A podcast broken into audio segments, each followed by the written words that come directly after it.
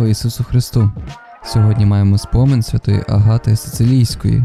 Існує багато легенд про її життя, і наступна розповідь ґрунтується на творі, написаному 1600 років тому. Агата народилася в першій половині 3 століття в багатій і знатній християнській родині в Катанії на Сицилії.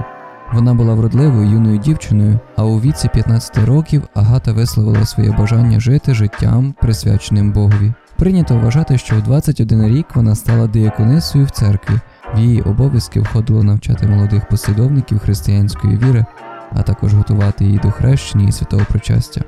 У 250-253 роках нашої ери римський імператор Траян Децій наказав переслідувати всіх християн. Префектом Катанії в той час був чоловік на ім'я Квінтіан. Легенда розповідає, що він, побачивши Агату, закохався в неї до нестями. Однак більш ймовірно, що його справжнім бажанням було отримати контроль над майном і землями її сім'ї. Коли Агата відкинула його залицяння, він відправив її до борделю як покарання. Вона відмовилась приймати клієнтів і була відправлена назад до Квінтіана. Після цього Агата була ув'язнена, зазнала численних тортур, а потім їй жорстоко відрізали груди. Кажуть, що у відповідь на це жахливе каліцтво вона сказала Квінтіану Жорстокий чоловіче, невже ти забув свою матір і груди, які тебе годували, що насмілився так мене понівечити? Її повернули до келії, не надавши жодної медичної допомоги в лікуванні ран. Вважається, що вночі в її келії з'явився святий Петро і зцілив її рани. Квінтіан тепер страшенно ненавидів Агату і наказав покласти її на ліжко з розпеченим вугіллям.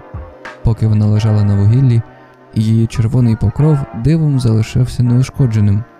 Під час цього останнього катування в катанії стався землетрус, і Квінтіан злякався за свою безпеку, наказав повернути Агату до в'язниці, а сам втік з міста. Агата померла через кілька годин 5 лютого 251 року.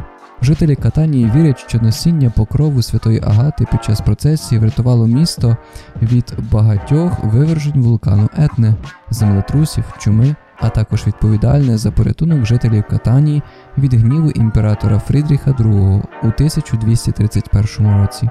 Пошана до святої Агати залишається сильною, але не тільки в Катанії, вона також стала покровителькою і захисницею всієї Сицилії. День її пам'яті 5 лютого це день її смерті. Свята Агата є покровителькою хворих на рак молочної залози, жертв зґвалтувань, також медсестер і захисницею від пожеж і стихійних лих.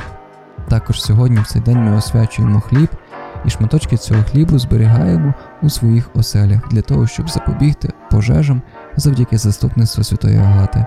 Свята Агата, молись за нас.